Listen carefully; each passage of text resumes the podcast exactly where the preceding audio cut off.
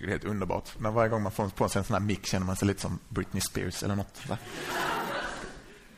Förväntas liksom kunna göra saker med båda händerna samtidigt. Mm. Slippa hålla i någonting. Tekniken är med här. Kolla så. Alright. Um, ehm, till att börja med, det är en så god känsla att stå här framme när man vet att det har inletts ikväll med eh, bönestund för kvällsmötet. Jag tycker det är en eh, fantastisk grej som vi alla får vara med i inför för varje... Alltså går kväll när Andreas körde, i morse när Daniel pratade. Få stå här framme och veta att det här mötet, det här har betts in av hundra plus personer. Eh, Martin, en av de sista sakerna han sa innan jag gick upp, så sa han, kom ihåg att du aldrig står där uppe ensam. Eh, och det gör man ju inte. Jesus han står här och han står med er och, och med era böner så är det en alldeles, ja, det är en alldeles fantastisk känsla. Det här är gött. Eh, Guds väg 2012 har vi tjatat om att det är ämnet för lägret. Jag ska prata lite min väg, Guds väg. Försöka, liksom, hur sätter man ihop dem? Eh, kommer att ta rätt så mycket från min eget, mitt eget liv. Jag börjar med en liten story där. Eh, det är så att under min studietid, jag är ju lärare, under min studietid så vikarierade jag en hel del. Ni kommer själva ihåg säkert hur det var när, eh, den, när ni märkte att det var inte er vanliga lärare som kom in i klassrummet en gång. Ni vet när, hur, hur det är att ha en vikarie. Man ställer sig automatiskt in i ett lite annat mode. Så det är rätt så slappt, glassigt. Man vet att det blir inte samma grej. Vikarien har inte koll, eh, är aldrig lika sträng och skarp och sådär. Problemet var att jag var vikarie på en skola där jag kände alla elever. Jag kände alla lärare, för det var en skola där jag praktiserade mycket. Fick vara mycket. Och så vid det här ja, jag hade varit där, jag tror jag hade haft alla ämnen utom hemkunskap och syslöjd. Liksom. Jag har vikarierat som fransklärare. Mm. Och bildlärare. Ja, i alla fall. Eh, detta var en eh, tyska lektion jag skulle ha. Jag skulle få ha en hel vecka, för läraren var iväg en hel vecka. Så, så jag hade fått en hel planering. så här. Och så eh, visste jag vilken text de skulle jobba med. Jag visste vilka glosor de skulle plugga på. Eh, Första lektionen gick bra. Vi satt där och gick igenom eh, texten tillsammans och läste lite. Och så sa jag då att kom nu ihåg att ni har, ni har glosor som vanligt. Och eh, eleverna gjorde som elever alltid gör när det är en vikarie som säger det. Man ler lite, eh, visst, och så går man ut och så struntar man blankt i vad vikarien hade sagt. Problemet var att jag var ju ingen vanlig vikarie. Jag var ju rätt så varm i kläderna på skolan. Så jag gick hem och gjorde som första och enda vikarie i världshistorien ett oförberett läxprov till mina elever. Torsdag, torsdagen kom och de skulle få sitt, eh, få, sina, få sitt prov där, eller de skulle få sin tyska lektion. Och jag kommer in och jag säger åt dem att sprid ut det i klassrummet, nu ska vi ha prov. Eh, och jag kommer så väl ihåg reaktionerna. Men jag kommer framförallt så väl ihåg reaktionen av en tjej som kom till mig efteråt, efter lektionen. Som med liksom panik i rösten och nästan tårar i ögonen berättade att alltså jag, fick ju inte, jag, fick ju inte, jag fick inte ge det här resultatet till ordinarie läraren. För hon, hade ju inte, hon tänkte ju att ah, det var ju bara vikarie. Liksom. Hon hade ju inte gjort läxan. Och Det hade ju inte alls gått bra för henne på det här eh, läxprovet. Och kom ihåg att detta är en åttonde klass. Och nu skulle läraren få reda på det och då skulle allting bara skita sig och hon skulle inte få det betyget som hon behövde i nian för att komma in på gymnasielinjen som hon skulle gå in på. För att hon skulle få det jobbet hon skulle ha i framtiden så att hon skulle kunna bli lycklig resten av sitt liv. Kort sagt, hennes liv hade gått ner till toaletten den här torsdagsmorgonen. Liksom. Och här står jag som vikarie och får det här. Liksom. Ehm, jag vet inte om ni kan känna igen er i den här pressen Eh, men alla kanske någon gång har ändå tänkt eh, det här med framtid alltså. Jag har sett det så många gånger liksom i elever och jobbat tillräckligt länge som lärare för att se att eh, de går runt, ni elever, ni, jag säger ni, för att ni kan säkert känna igen er, går runt och tänker liksom att mm, jag måste, jag måste göra liksom bra grejer i skolan. Det ska, jag måste komma in där jag vill komma in sen. Kan inte riktigt lika illa som den här tjejen, men det är ändå det. Det är, det är så mycket som grundläggs nu. Bara trycker samhället på er att gör rätt val. Gör, sabba inte någonting där ni är nu för att då får ni lida av det sen. Jag vet inte om ni kommer ihåg reklamen som gick på tv för några år sedan om eh, NV, naturvetenskapliga programmet. De gjorde en, en eh, drive på tv. De skulle försöka få alla att välja NV, den breda linjen. Och Det presenterade de ju då som att det satt massa barn och lekte och så helt plötsligt så tittar alla barnen upp och så blir det ett gatlopp ner för gatan. Och så trängs alla, för det är någon husvagn där nere som jag vet inte vad, det ska vara något party där liksom. Så att alla barnen bara kubbar liksom och knuffar varandra åt sidan så här. Och alla får komma in utom någon liten kille som hamnar på efterkälken och han blir liksom utestängd. Han får inte vara med där inne på partyt i husvagnen. Han får sitta utanför och gråta. Eh, och Det skulle då symbolisera att är man inte med, går man inte NV, så eh, hamnar man alltid hjälplöst utanför. Jag, jag vet inte, jag lägger ingen värdering i det. Men det är bara en bild av att det är så samhället ändå trycker på. Jag vet inte om ni har märkt det. Alltså hur mycket liksom information som kommer från höger och vänster. Liksom. Val, val, val, val, val. Eh, hela det här konceptet framtid är liksom någonting, ni har inte fått välja det. Att ni ska växa upp och ni ska eh, liksom ta ansvar för er framtid och sånt. Utan det är någonting som bara så här lagt på er. Alltså. Nu får ni det, grattis. Nu ska ni göra det bästa av den här situationen. Eh, och med risk för att låta lite gammal så tror jag att er generation det känns ändå gött att få säga er generation. Eh, ni har så otroligt många fler val att göra. Än, man behöver inte gå så hemskt långt bak i, alltså vi kan gå om vi går en bit bak så var det yrken, det gick i arv från fader till son och så här, man tog över sin pappas eh, liksom, profession och så gick det vidare så här. För tjejer så handlade det om att man skulle bli en schysst hemmafru, bli bortgift. Eh, sen gick utvecklingen framåt och sen föddes jag och eh, min uppväxt bestod ändå av mindre val, för jag växte upp med så här många tv-kanaler. Jag kommer ihåg 1992 när TV4 började sända och man skulle få en tredje tv-kanal. Liksom. Fatta att det skulle kunna vara tre olika tv-program man skulle kunna ha välja på samtidigt. Och framförallt så sände de reklam. Det var ju skithäftigt. Liksom. Ja, ursäkta.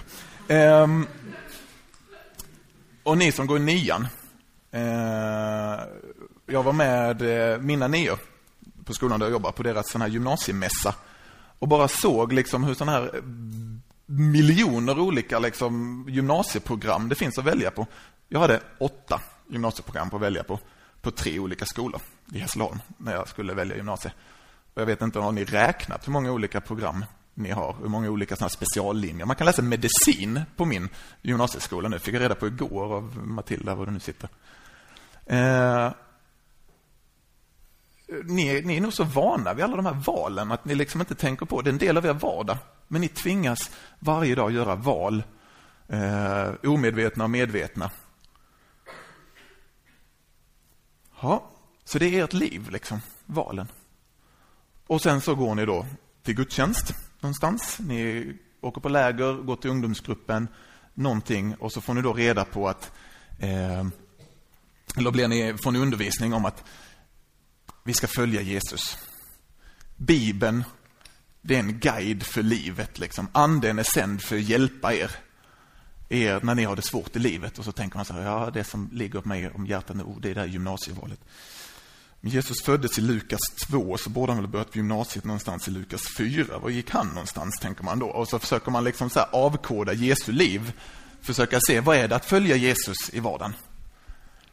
Nej, det vet jag att ni inte tänker så. Men vi har ofta den bilden av, av Bibeln, liksom att, för Dan, hur många gånger, ni, ni, har fått höra det så många gånger, Bibeln liksom ger oss svar och, och följ Jesus och hela den här biten. Och så står ni 2000 2011, nu 2012, nästa år. Och så ska ni försöka leva era liv, som då består av alla de här valen, på Guds väg. Det är det som det här kommer att handla om lite ikväll. Livsval och Guds vilja med era 2012. Eh. Och det ska jag stå här och försöka prata om. Livsval, eh, jobb, karriär, hela den biten. Ehm, jag tänkte efter en gång liksom på det här och tänkte att vem är jag att stå och prata om att liksom eh, leva ett, ett lyckosamt liv och samtidigt följa Jesus.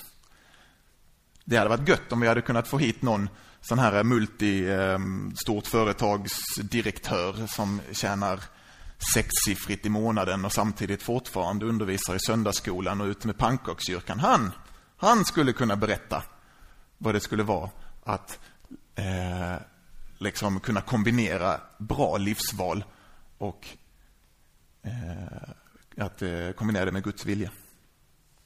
Men så står jag här. Och vad är då jag? Ja, jag tror faktiskt att jag skulle kunna göra det lite bättre ändå. För jag är en helt vanlig en. En helt vanlig person. Eh, jag är en sån som ni kommer att bli. Troligtvis. Alltså, ni, jag är ledsen. Inga sexsiffriga, inga sexsiffriga eh, löner liksom. Eh, ni kommer få ett vanligt jobb, leva ett vanligt liv. Troligtvis de flesta av er. Gör ni som jag så får ni en sexsiffrig studieskuld. Det är inte så roligt. Men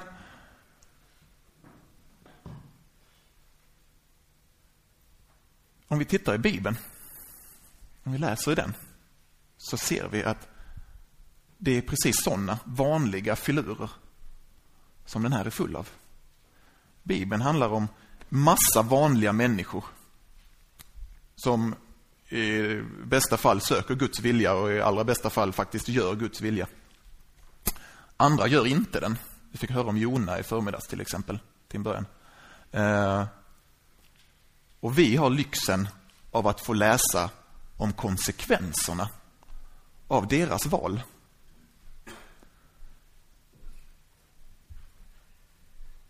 Eh, och Andreas igår pratade om, eh, pratade om att det är samma Gud som är verksam i Bibeln som är verksam idag.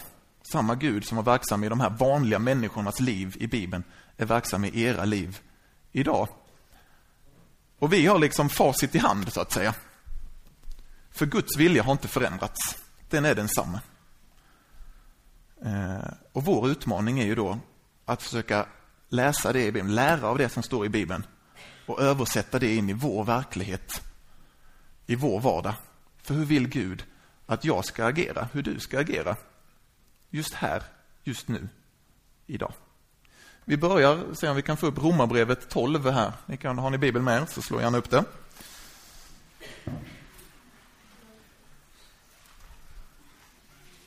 Det saliga prasslet. Gött att höra.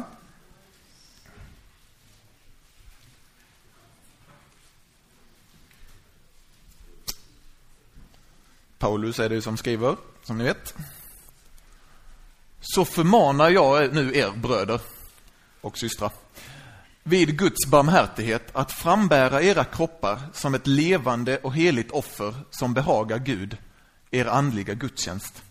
Och anpassa er inte efter den här världen, utan låt er förvandlas genom sinnets förnyelse, så att ni kan pröva vad som är Guds vilja, det som är gott och fullkomligt och som behagar honom.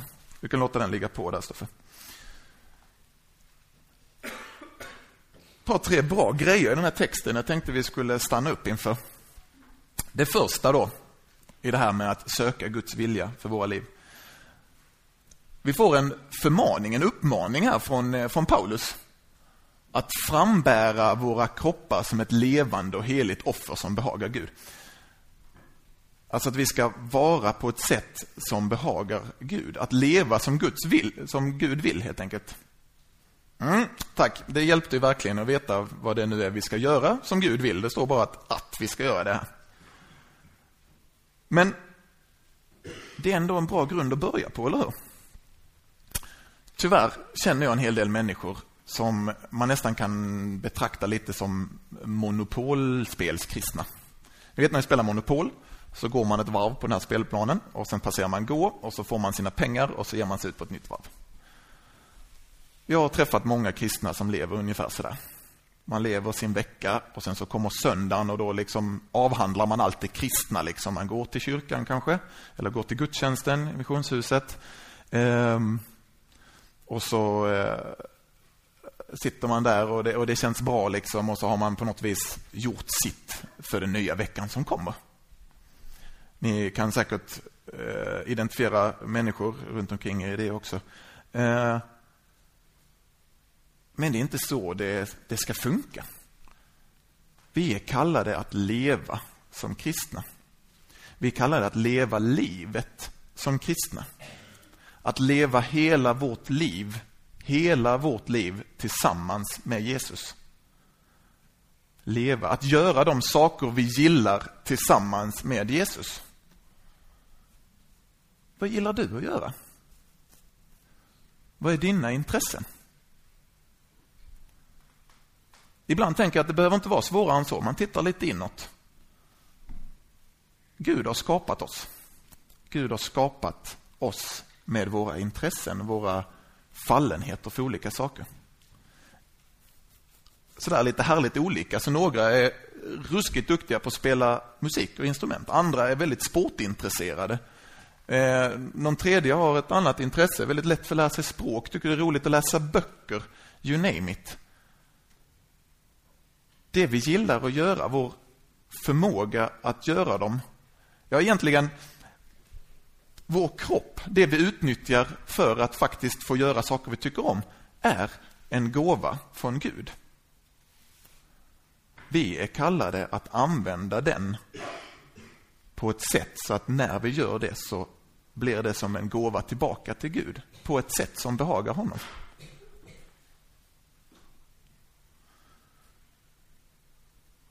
Jag är frestad att berätta om eh, fotbollsspelaren Kaká, men jag gör inte det. Jag tycker det är...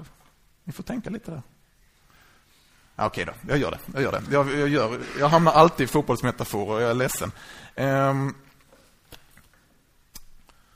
Kaká, ni vet vem Ricardo? Kaká, han är lite avdankad nu. Han är precis lika gammal som jag, ändå avdankad. Eh, världens bästa fotbollsspelare ett tag. Och spelandes i Milan så vann han Champions League. Ehm, efter slutsignalen hade gått så sprang Milan-killarna omkring liksom och de jublade tillsammans. Bara yes, vi är världens bästa klubblag. De kysste sitt klubbmärke. De, eh, de var glada helt enkelt. Kaka, som jag tror hade varit till och med bäst på plan den matchen. Liksom. Vet att han är den stora stjärnan och har allting på sig, all, allt fokus på sig. Går ut mitt på planen där han syns som allra, allra bäst. Så tar han av sig sin klubbtröja. Under så har han ett linne där han har skrivit I belong to Jesus. Och så sätter han sig ner på knä i mittcirkeln och så bara ställer han sig så här och bara tackar Gud för vad han har fått vara med om väl vetande att det finns miljoner tv-tittare och fotografer och annat. Så lyckas han nog att få mer intresse för vad det här är med Jesus än vad alla evangelister och präster kan drömma om och lyckas med på egen hand. Och det gjorde han genom att spela fotboll på ett sätt som behagade Gud. Han tackade Gud för de gåvor som han faktiskt hade fått. Han gav tillbaka det. Vers 2. Anpassa er inte efter denna världen. Nästa grej.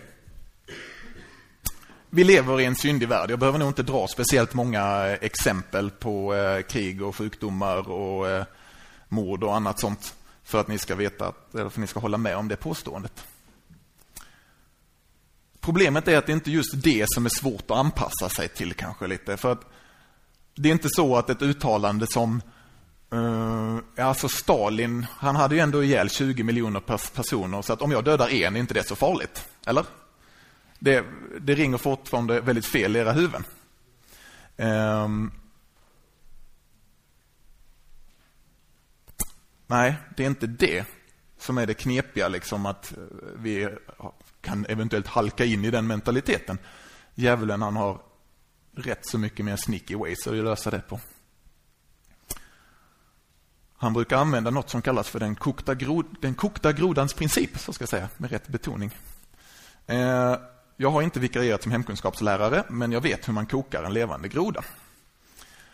Det är så här att om vi skulle försöka koka en levande groda och ni kokar upp vattnet när ni tar er groda och släpper ner honom i grytan så kommer den studsa på vattenytan och hoppa ut igen. Den liksom har så snabba reflexer. Så ska man ha ihjäl en groda så ska man ta vanligt vatten, stoppa ner grodan, sätta den på spisen och långsamt höja temperaturen till han tuppar av. Och så kan man koka sin groda om man känner för att äta den sen. Eh, djävulen gör lite på samma sätt. Det här med, han kommer med tankar. Han kommer liksom inte med den här, ja men det är okej okay att mörda en person för Stalin mördade 20 miljoner. Det är inte så att han kommer med den tanken direkt in till någon. Då skulle nog vi alla skjuta bort den tanken. Men han kommer med någonting mindre till en början. Gärna fint paketerat eh, och eh, poppis för liksom, det som stämmer med samhället. Liksom. För att förleda oss bort från vad som är Guds vilja, hur vi ska leva våra liv. Och det är där det kommer liksom från omvärlden. Och det är där det börjar bli slirigt egentligen, för att jag tror att Gud han har utrustat oss med goda vänner. Han har utrustat oss med kloka människor i den här världen som kan ge oss råd längs med vägen. Jag står inte här framme och säger att lita inte på någon annan. Jag säger lyssna på dina goda vänner. Ta goda råd. Ibland är det ju så att vårt eget lilla huvud, det kommer liksom inte, vårt eget intellekt fattar inte alltid de rätta besluten. Vi kan behöva lite tips och råd längs med vägen. Problemet är ju att se var kommer våra råd och tips ifrån. Eh, men det gäller att vara på sin vakt. För se, är de då i enlighet med Guds vilja? Och då kommer vi till den springande punkten. Hur kan vi då urskilja Guds vilja? Då skriver Paulus så här. Låt er förvandlas genom sinnets förnyelse så att ni kan pröva vad som är Guds vilja, det som är gott och fullkomligt och som behagar honom. Ju mer vi umgås med Gud, desto mer formas vår vilja efter hans. Det är den förnyelsen som Paulus pratar om. Bibeln säger att i Kristus så är vi en ny skapelse. Det gamla är förbi. Allt det trasiga, sopiga, skitiga, det är, som Paulus säger i Galaterbrevet, det är korsfäst med Jesus. Och nu lever Kristus i oss. Ju mer vi umgås med Gud, i bön, i bibelläsning, i gemenskap med andra, i gudstjänst, desto mer släpper vi fram Jesus inom oss. Och desto mer så kommer vi se vad som är Guds vilja. All right. Hur funkar då allting detta? Du kan släcka den där. Hur funkar då allting detta i verkligheten 2012 som är på väg att hända? Flera av er här går i nian. Ni har ett gymnasieval. Några andra börjar närma sig slutet på det, gymnasietiden och ska börja liksom se framåt mot vidare studier eller andra saker. Vad händer efter studenten? Och så går ni och funderar, det ena eller det andra. Vad ska jag välja? Jag har också funderingar av och till många gånger. Jag har väntat i 30 år på den här eldskriften på väggen och jag kan som lite äldre än er säga att den kommer ganska sällan. Ni kan sluta vänta på den. Men det är rätt skönt att vi kan läsa där i Daniels bok om den här eldskriften. För då vet vi att om Gud hade velat så hade han kunnat få vår uppmärksamhet. På ett liksom, dit ska du. Gud har resurserna. Vi fick höra i morse om hur Gud sänder en storm för att vända Jona tillbaka till dit som Gud hade liksom pekat ut att dit var hans väg. Vi har en Gud som på andra ställen i Bibeln får åsnor att prata. Vi har en Gud som när han kände att Filippos, du är där, du behövs där borta, plockar upp honom och liksom bara så här i anden för honom till en annan plats på jorden. Alltså en teleport liksom. Mm. mm så. Vi har en Gud som för Israels barn ut ur Egypten visade sig dag och natt som molnstod och eldstod för att de inte skulle gå vilse. Vi här inne har en Gud som mycket väl kan göra oss väldigt, väldigt på det klara med vad han vill. Så det handlar inte om att han är sneaky eller vi liksom inte fattar vinkarna. Men inte desto mindre så står vi där med våra val. Ska jag gå NV eller ska jag gå estet? Ska jag, ja, vad ert val nu än är.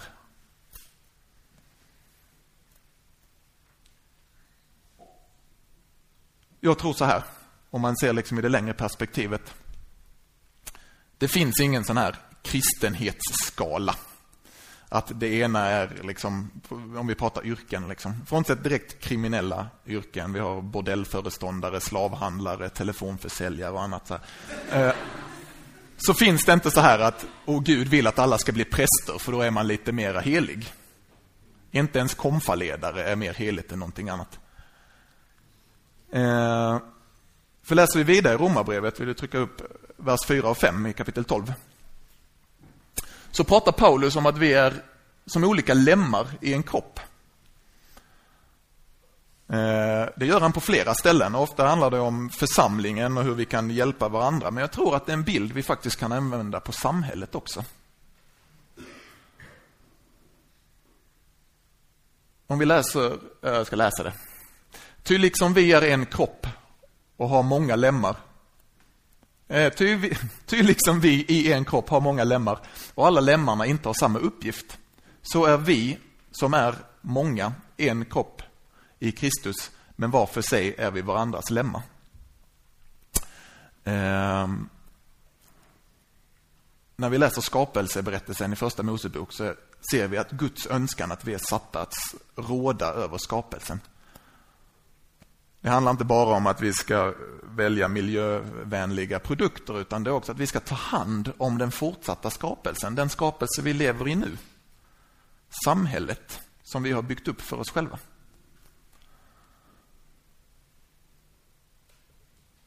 Det är rätt så fascinerande. Jag kan ibland så här fastna i att jag sitter och tittar på en person som jobbar med någonting och så tänker jag att den där personen är ju faktiskt en väldigt, väldigt liten men otroligt viktig pusselbit i ett jättestort pussel som kallas för samhället.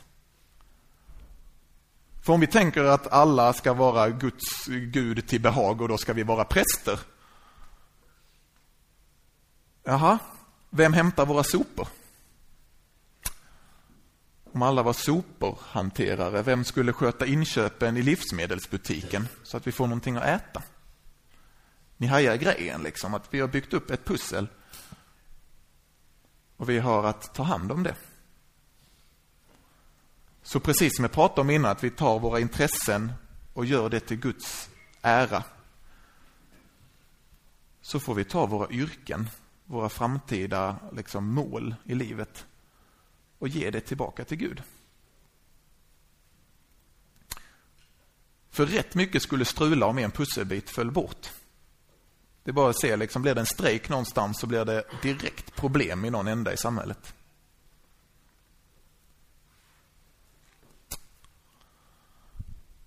Men fortfarande, om nu allting är, alla yrken är lika bra, liksom utbildningarna där på gymnasiet, eh, ja, det är lika bra. Och du står där med dina två eller kanske till och med tre eller fyra val och vet varken ut eller in. Du ber till Gud och du undrar liksom, Gud vad är din vilja? Vad vill du? Jag tror att Gud han sitter, äh, sitter, han är. Och så vänder han frågan tillbaka till dig. Och så säger han, jag är rätt nyfiken på vad du vill. Gud han har liksom satt oss i en situation med en massa val. Och kom ihåg att hade han velat att vi skulle göra ett av dem väldigt, väldigt, väldigt, väldigt väl så har han resurserna för oss att ge oss, eller få oss väldigt väl uppmärksammade på det.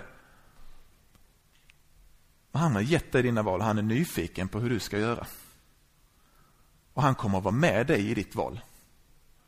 Han kommer att vara med dig i alla dina val in till tidens ände, står det nästan i Bibeln. Det är det fina med Gud.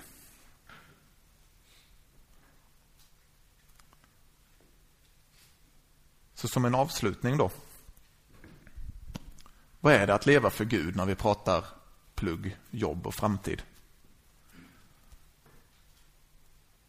Sök Guds vilja, lyssna inåt. Vad är det som du gillar att göra? Vad brinner du för? Följ det. Ja, och jag har predikat många gånger liksom för olika, men trampa inte på dig själv och din egen, din egen liksom önskan. Om vi väljer för att det är bättre lön någon annanstans eller eh, eh, någon annan tycker väldigt väl att jag ska vara någonting. Så riskerar vi liksom att pressa ner våra, oss själva. Liksom. Be om bekräftelse. För Gud han är inte hemlig med sig med vad han vill. Han vill att du ska be till honom om hjälp, och att han, att, eh, hjälp att se och att han ska visa sin väg. Och när du väl har ett jobb eller en uppgift eller en studieplats eller vad det nu är. Gör det för Gud. Guds vilja är att vi ska vara de vi är och göra det vi gör för honom och för hans rike. Vi ber lite tillsammans.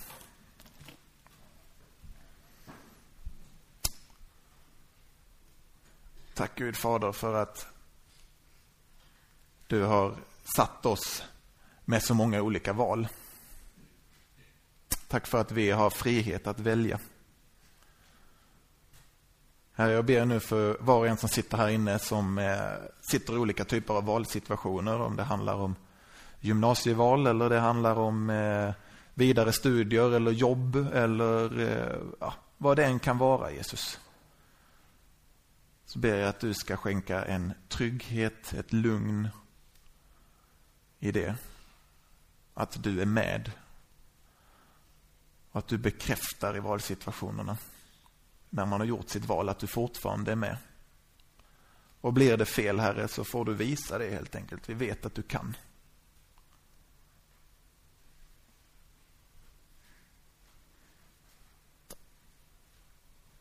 Tack för att du älskar oss och vill oss vårt bästa. I Jesu namn. Amen.